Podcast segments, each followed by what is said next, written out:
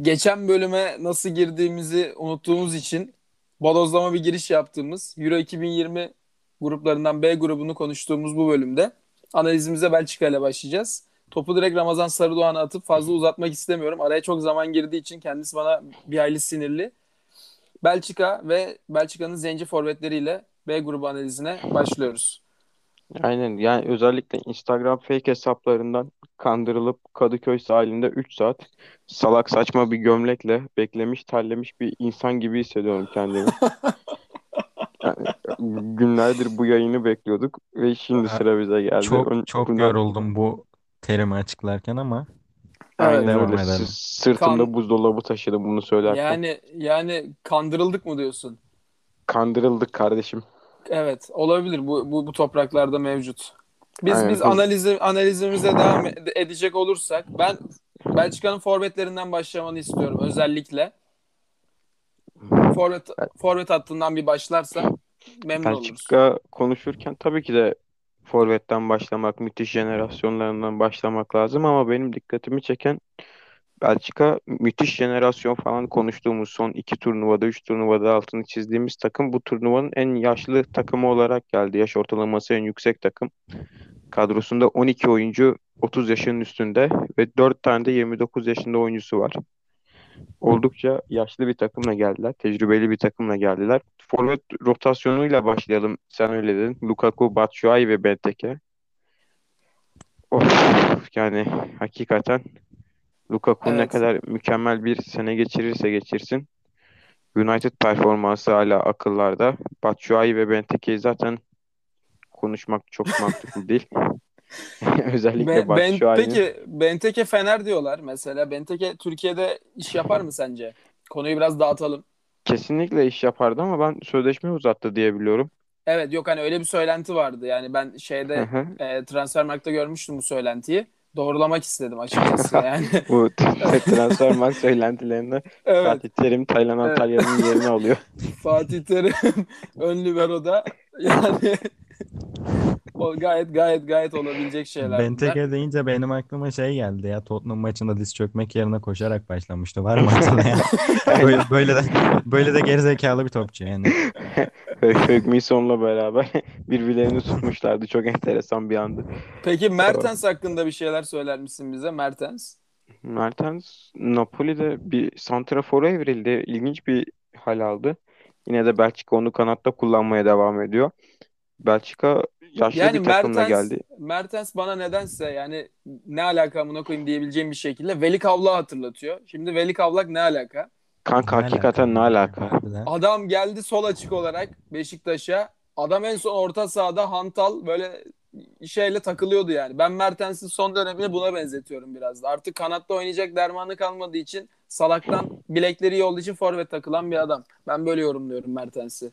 Mertens Naçizane. intihar eder ya bu benzetmeden Kanka sonra. hakikaten yani Yani başıma benim ağrılar girdi bu yolundan sonra. benim gözümde bir Veli Kavlak yani tabii ki bir Veli Kavlak değil ama o şekilde yani Veli Kavlak'tan iyidir tabii ki Mertens. Hani futbol cahili denmesin sonra.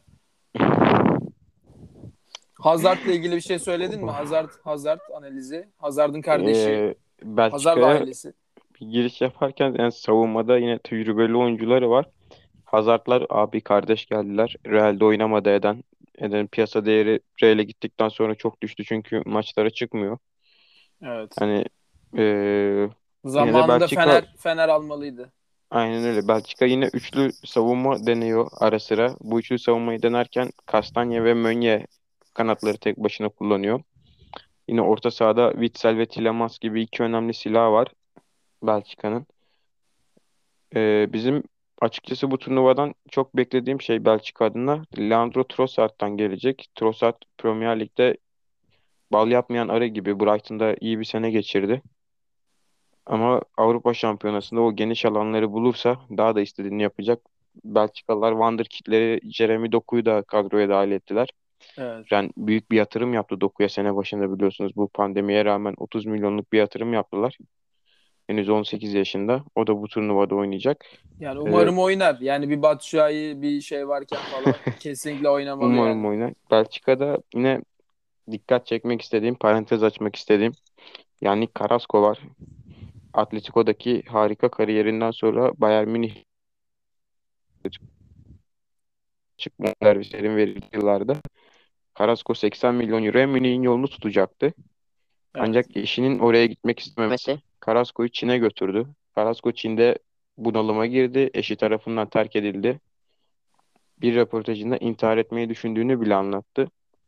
Evet, O bunlar, Carrasco bunlar bugün- sadece senin bildiğin detaylar. Yani böyle bir röportaj yok aslında. Evet. Kesinlikle var. O araştırmanı tavsiye ederim cahil adam. Evet olabilir.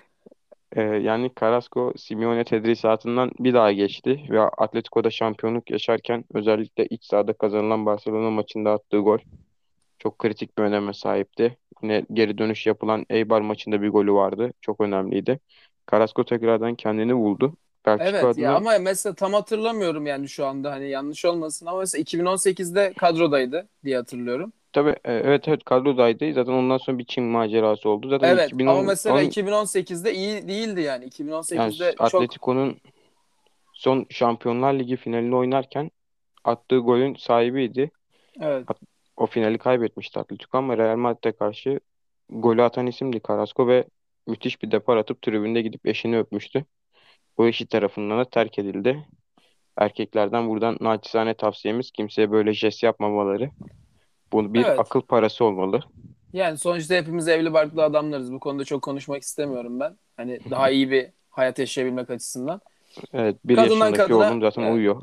kadından kadına değişir diyerek ben konuyu biraz Chadli'ye getirmek istiyorum. Ee, Chadli neden çağrıldı sence? Hmm, Gerçekten çok enteresan. Küme düşmekten son anda kurtulan Aykut Kocaman'ın Başakşehir'inde yedek kalan bir isimdi ve bugün kadroda. Evet, bu da Enteresan Aykut bir isim Çatli. Hani Aykut Kocaman o eşofmanın altında neler düşündüğü belli olmayan adam. Haşofman Reis gerçekten neden böyle bir şey yaptı hiç anlam veremiyorum.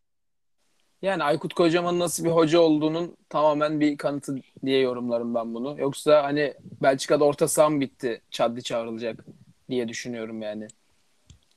Hani yatmış bir Chadli bile burada iş yapıyorsa Aykut Kocaman kendini bir sorgulasın zaten yani neyse. Çok şeye girmek istemiyorum. Futbol içindeki siyasi yapıya girmek istemiyorum. En son Dendonke- futbol topunun çekim gücünden bahsediyordu Aykut Kocaman. Evet. Yani hayatta biliyorsun olmuyor bazen bazı şeyler falan filan. Böyle kafa açan cümleleri var kendisi. Yersiz Şenol Güneş yani. Ve son bir de Dendonker analizi almak istiyorum senden böyle hani daha derin bir şekilde. Sonra Belçika'yı işte Nihat'a topu atıp Belçika'yı bitirelim istiyorum. Dendonker stoper ve libero oynuyor. Benim söylemek istediklerim bu kadar Belçika hakkında. Gerçekten süper bir analiz.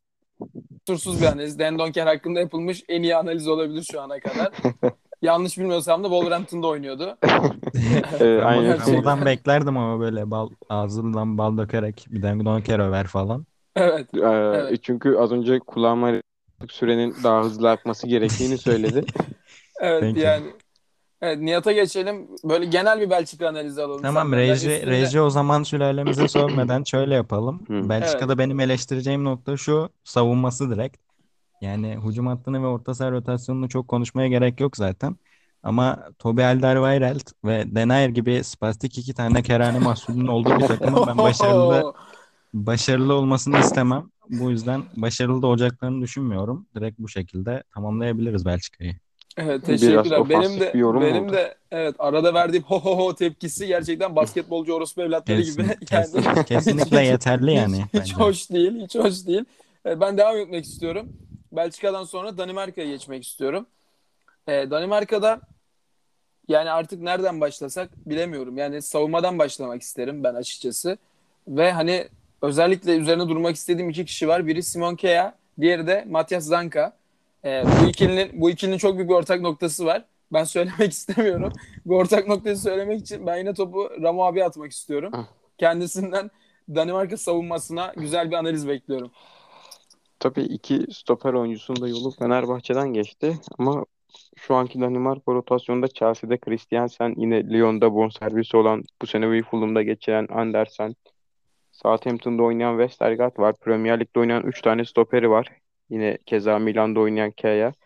Yani En azından e, seviye için ayrılmıştı. Yani hakikaten Zanka'nın Danimarka'nın şu jenerasyonda özellikle alttan gelen çok iyi bir 23 yaş altı jenerasyonu varken 31 yaşında milli takıma dahil olması ya, genelde bizim Türkiye'de bizim hocalarımızın yaptığı bir şeydi.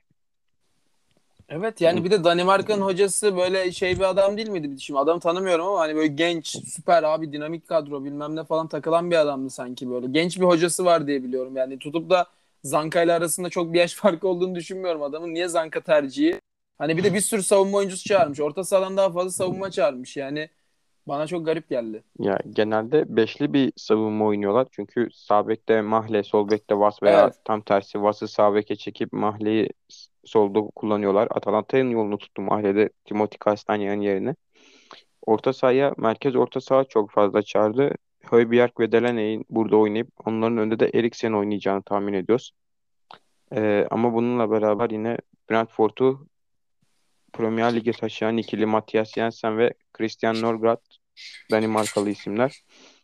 Ee, bununla beraber yine Danimarka'nın jenerasyonundan da bahsederken Yusuf Poulsen, Kasper Dolberg gibi önemli santraforların arkasına Jonas Smith geldi. Diğer santraforları Barcelona'da oynayan Brad White. Sağ kanatta Skov, sol kanatta Skovholsen ve Damsgaard'a sahipler. Yine önemli genç isimler. Yine benim burada dikkat çekmek istediğim şey müthiş bir santrafor çıkarıyor Danimarka 17 yaşında. Wahid Fagir diye. Yine asıllı bir isim ama tam bir komple forvet. Müthiş bir fiziği var. Harika bitiriciliği var. Ben Wahid Fagir'in bu rotasyonda tabii ki de forma şansı zor olsa da bir uluslararası kupa tecrübesi yaşayabileceğini düşünüyordum. Ama kadroya çağrılmaması benim için bir hayal kırıklığı oldu. Bunun dışında Danimarka'ya ekleyebileceğim çok bir şey yok. Çünkü hakikaten Zanka tercihindeyim hala. Yani, Yani yani. Zanka nasıl bu kadroya çağrıldı? Bonservisi Fenerbahçe'de miydi Zanka'nın? Geri gelecek diye biliyorum yanılmıyorsam. Öyle evet ben de öyle biliyorum. Zaten yani böyle topçuyu Fenerbahçe'm kolay kolay bırakmaz. Aynen öyle. Zanka'nın kalitede. bu turnuvada göstereceği 17 dakikalık müthiş performanstan sonra bir Arap kulübüne 30 milyon euroluk satışı gerçekleşir. Evet Ali kesinlikle. Koç Ara başkanıma bu işte çok döner. güveniyorum. Tabii Evet ki de. evet. Kesinlikle kesinlikle. Yani bunlar futbolun gerçekleri sonuçta. Hani biz burada Evet. kimseye sallamak için bunları söylemiyoruz. Satarsın geri alırsın. Fenerbahçe'de bu ekol oturmuş zaten. Musa Sov vesaire. Çok girmek istemiyorum. Hazır yeni Aynen en akla son Ümraniye yeni- Spor'da oynuyordu arkadaş. Evet yeni aklanmışlar hazır bir de. Çok Fenerbahçe'ye girmeyelim. Ee, Danimarka hakkında benim söylemek istediğim tek şey Yusuf Poulsen dediğim gibi. Yani Yusuf Poulsen'i ben çok beğeniyorum. Özel yani. Özel olarak daha fazla beğeniyorum adamı yani. Bence gerçekten süper bir adam. Karizma. Efe- efendi topçu. Efendi topçu gerçekten. 10 numara 5 Almanya yıldız. Amatör Ligi'nde oynayıp gelen bir insan o da. Evet yani Ona kazıya bir gelmiş verelim. bir adam. Onun dışında Kasper Dolberg yine tabii ki. Hani çok bizim bir şey söylememiz gerektiren topçular değil yani. Hepsi kendini kanıtlamış bir yerlerde. Kanıtlayacak adam da Jonas Wind mesela. Yani kesinlikle kanıtlayacak. Evet. Yani mesela Eriksen Ama- hakkında özel bir analiz Ramo abiden alabiliyor muyuz? Eriksen biz Tottenham'lıların çok sevdiği ancak son dönemde yaşadıkları yüzünden ayrılış şekli. Yani 100 milyon euroluk piyasa değeri varken 25 milyon euroya gitmesi, sözleşmesini uzatıp çok canımızı yaksa da milli forma altında bambaşka bir şekilde oynayan bir insan Christian Eriksen. Evet. Bizdeki performansı da çok iyiydi. Şampiyonlar Ligi'nde de çok çok başarılıydı. Tabii ki de kupalar kazanmak için ayrıldı. Serie A şampiyonluğunu da kazandı. Yine de bizim için ukde olan bir isim. Bana göre şu anda güncel futbolda eee, son 10 numara. Evet. Yani bu bu klasik 10 numaraların en sonuncusu. Şutu olan, ortası olan, Evet tam zaten bir zaten bir Christian Eriksen bir Younes Belhanda yani başka da kalmadı diye düşünüyorum. Gerçekten. Bu bu tarz oyuncu kalmadı yani artık çok zor. Younes Belhanda'nın da gerçekten Yayını terk etmek üzereyim. adını adını anmışken adını anmışken ben bir kulis bilgisi vermek istiyorum Younes Belhanda hakkında. Ee, Yiğit Şardan e, şey demiş. Ben Younes Belhanda'yı getireceğim kesinlikle. Fatih Terim'i yollayacağım demiş. Bu da gerçekten kulislerde dolaşan bir bilgi. Yani ben bunu Galatasaray taraftarlar, Galatasaray dinleyicilerimiz için belirtmek istiyorum. Ve Avrupa Danimarka'yı Şampiyonası konuşurken çöl insanlarından bahsetmezsek sevinirim çünkü konumuz Rusya. evet En bana be- azından bana bana bedevi diyemezsin. Younes Belhanda en sevdiğim sözü. Evet Danimarka'ya da geçiyorum. Gerçekten güzel bir ülke. Keşke Danimarkalı olsaydım yani. Gerçekten ben- Danimarka vatandaşı olmak isterdim. Finlandiya'yı atlayıp Rusya ile devam etmek istiyorum. Finlandiya'ya en son değinelim. Çünkü uzuyor Finlandiya'ya girdiğimizde bu muhabbetler. Ee, Rusya klasik bir Rusya zaten. Yani Rusya'yı severiz diyelim. Ve ben Rusya'nın orta sahasında 79 tane adam görüyorum. O yüzden Rusya orta sahası analizini ben bu yüzden Nihat'la başlamak istiyorum açıkçası. Bize Rusya'ya Rusya'yı Evet. anlatır mısın? Gidip gördüysen doğal güzelliklerini de anlatabilirsin yani. Yani Rusya'yı da şöyle diyeyim. Rusya'yı sen seversin ben Rusya'yı sevmem. Rusya'da sevdiğimde iki tane topçu var. Biri sağ bekleri Mario Fernandes, diğeri de Artem Zuba. Onun Bu da Rusya'yı bütün zaten adamların onu. Yani bana Doğu Perinçek Onun- muamelesi niye yaptın peki? Sen Rusya'yı seversin ben sevmem. Hani ben sevmem. Direkt bana topu attığın için biraz kırıldım. kardeşim Benim ben arkada- ben NATO'cuyum. Yani bu- eyvallah. Ben sevmem. Bunların hepsinin de direkt girmeyeyim. Ama kötü bir kadroları var. Şöyle Rusya ile ilgili enteresan bazılarına enteresan gelebilecek fantezik bir tahminim var. Danimarka'dan da Belçika'dan da ağır fark yiyeceklerini düşünüyorum. Tabii Yok, bazıları yok, daha kafaya, neler, asla kafaya öyle bir şey oynayacaklarını düşünebilir ama ben e, bu sefer patlayacaklarını düşünüyorum. 2018'de de aynı düşünce vardı genel ama Rusya Yani ilk sene ev, maç sa- ev sahibi ve ev sahibi Osurttular. avantajı olabilir. Ama iyi iyi bir turnuva geçirdiler ama bu turnuva kesinlikle kötü bir turnuva geçireceklerini düşünüyorum. Zaten kötü bir savunma hattı. Kudryashov oynuyor bir kere. Böyle bir savunma hattı olamaz. Orta sahasında nasıl yorumlayabilirim? Orta sahasında hani Rama'ya bırakayım ben bu sefer Rusya şeyini. evet tamam. Ee, genel analizleri. Ben beğenmediğim bir kadro çünkü. Golovin'i bile beğenmiyorum. Onun, onun üzerine bir yorum yapabilirim. Ram- Ramazan devam ettirsin güzel bir şekilde. Rusya bana göre takım oyununu çok iyi oynayan, geçiş oyununu çok iyi oynayan bir takım. Uluslar Ligi'nde de grubumuzdaydı ve biz biz yani 10 kişi kaldıkları maçta bile çok zorlamışlardı. Ee, Rusya geçiş oyununu dediğim gibi çok hızlı oynayan, çok hızlı oyuncular olan ve dönem dönem tempoyu çok arttırarak oynayan bir takım. Yine Rusya'da kendi wonderkidleri Maxim Mukin'i kadroya dahil ettiler. O da bu, burada süre alması halinde 19 yaşında bir uluslararası turnuvada oynayacaklar. Rusya'da Nihat'ın altını çizdiği Mario Fernandes yine çok önemli bir isim. Brezilya asıllı. Bununla beraber Artem Cuba tabii ki de konuşmamız gereken isim. Cuba da Burak Yılmaz gibi yaşı ilerledikçe kendini buldu. Önemli bir Evet. isim. Ben Rusya'nın asla fark yiyeceğini düşünmüyorum. Özellikle Belçika'ya zorluk çıkarmakla beraber Danimarka maçında da kıran kırana bir maç oynayacaklarını düşünüyorum. Yani hemen teslim olacak bir takım değil Rusya kesinlikle. Ee, Rusya'nın oyuncuları genelde Rusya liginde oynuyorlar. Çünkü ekonomik sıkıntıları olmadığı için dışarıyı pek düşünen oyuncuları yok. Ancak dışarıda oynayan isimleri de Alexey Miranchuk yine Atalanta'da oynayan bir isim. Alexander Golovin Monaco'da oynayan bir isim. Cherisev Valencia'da oynayan bir isim. Yine majör ligler dışında oyuncuları genelde hep Rusya Premier Ligi'nde olan isim. Ee, onlar bizim bir dönem çektiğimiz stoper sıkıntısı gibi bek sıkıntısı yaşıyorlar. O yüzden Kudryashov ve Zirkov var kadrolarında. Orayı değişmeli bir şekilde kullanacaklardır diye düşünüyorum. Evet, Kudryashov gerçek. Ebesinin nikahı artık yani o kadar da değil hani. Stalin gelsin oynasın daha iyi amına koyayım gerçekten. Abi Benim- Zirkov oynuyor hala. Yani benim Rusya hakkında Zirkov değil. geliyorsa Arşavin de gelmeliydi. Yani Pavlyuchenko abim neredeyse. abi Gökdeniz Karadeniz'i falan çağırsalarmış. Ne, Evet. Pobrenyak gelseydi geri. Ben şunu demek istiyorum. Deniz Çerişev basar uzaktan bir tane. Rusya hakkında yorumum bu kadar. Şimdi şöyle küfür küfür yememek için muhtemelen patlayacak tahminim. Ama yine de neden bu düşünceye girdim bir bahsedeyim. Çok konuşamadım bu yayın.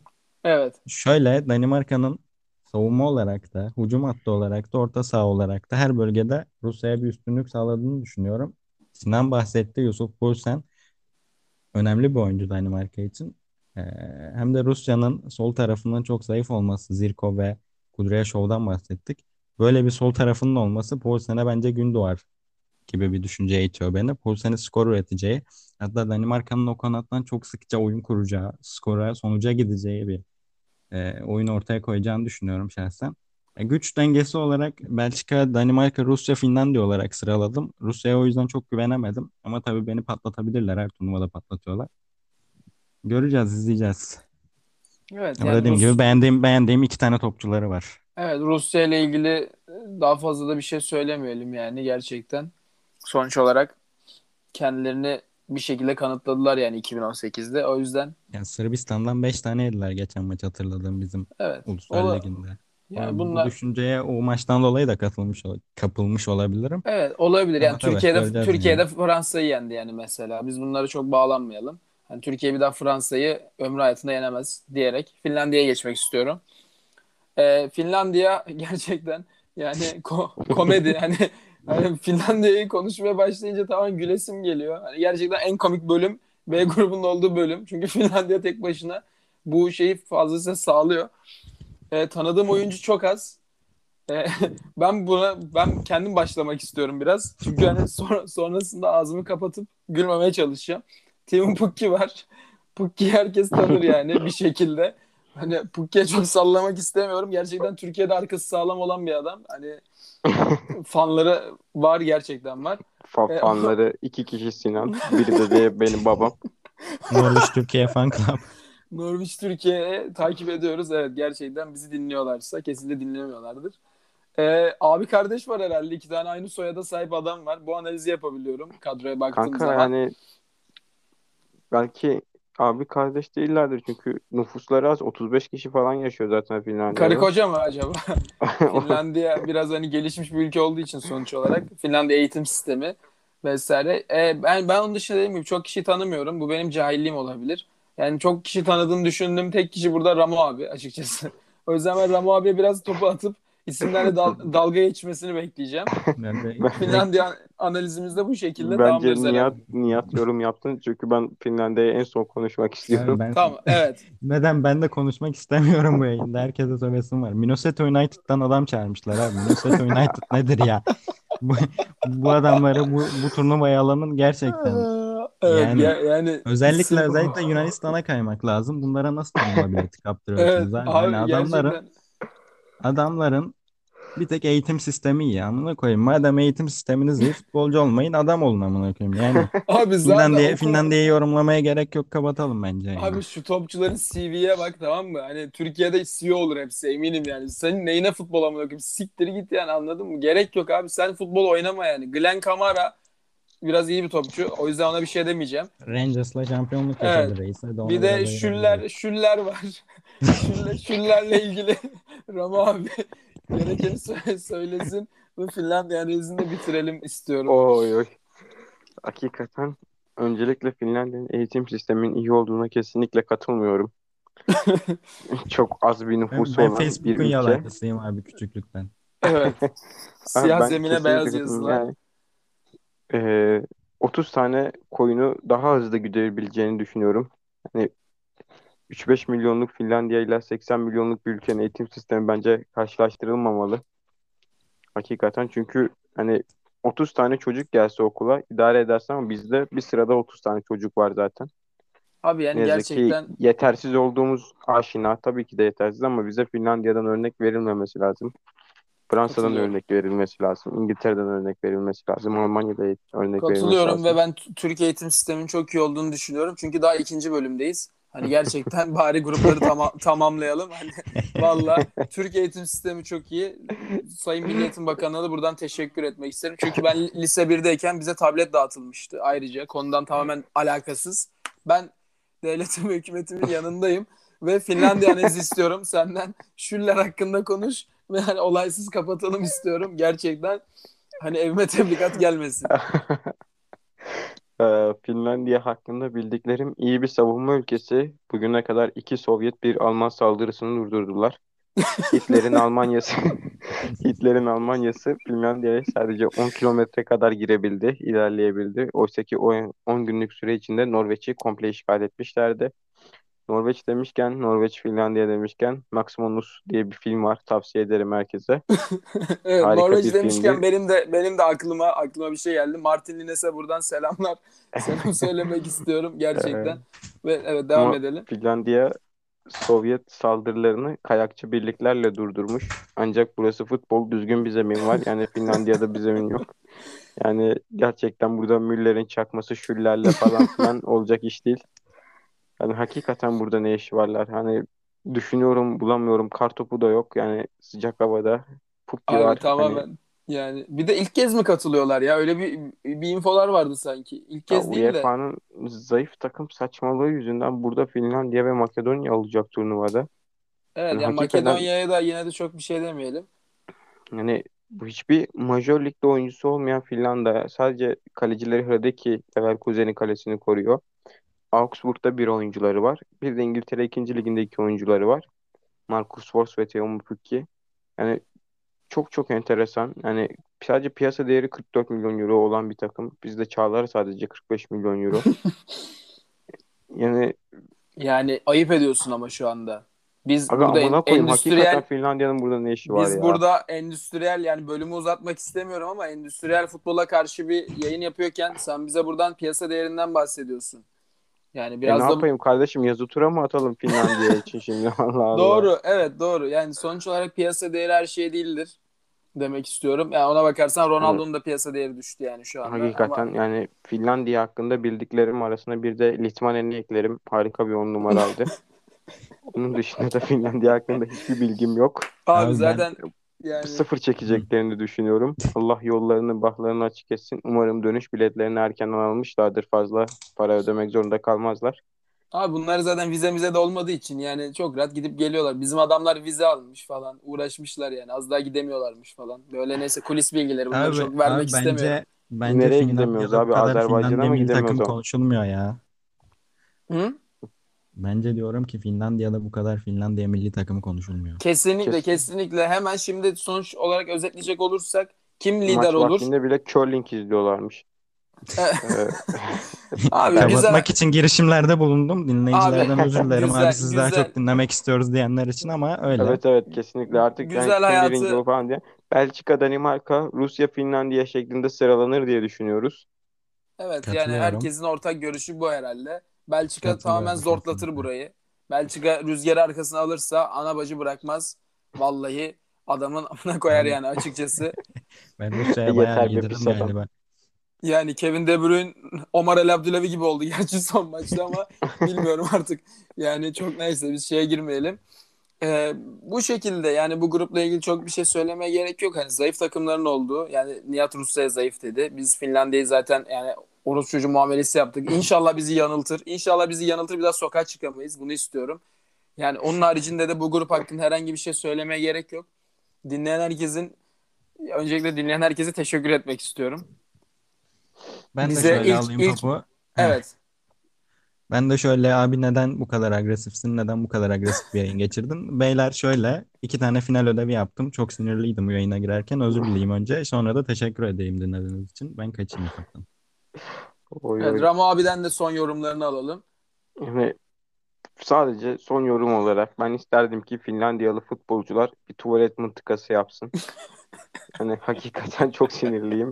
Finlandiya'nın olduğu yerde bizim halı saha takımı da olur diye düşünüyorum. Böyle de ahlaksız Evet. bir yorum yapıyorum.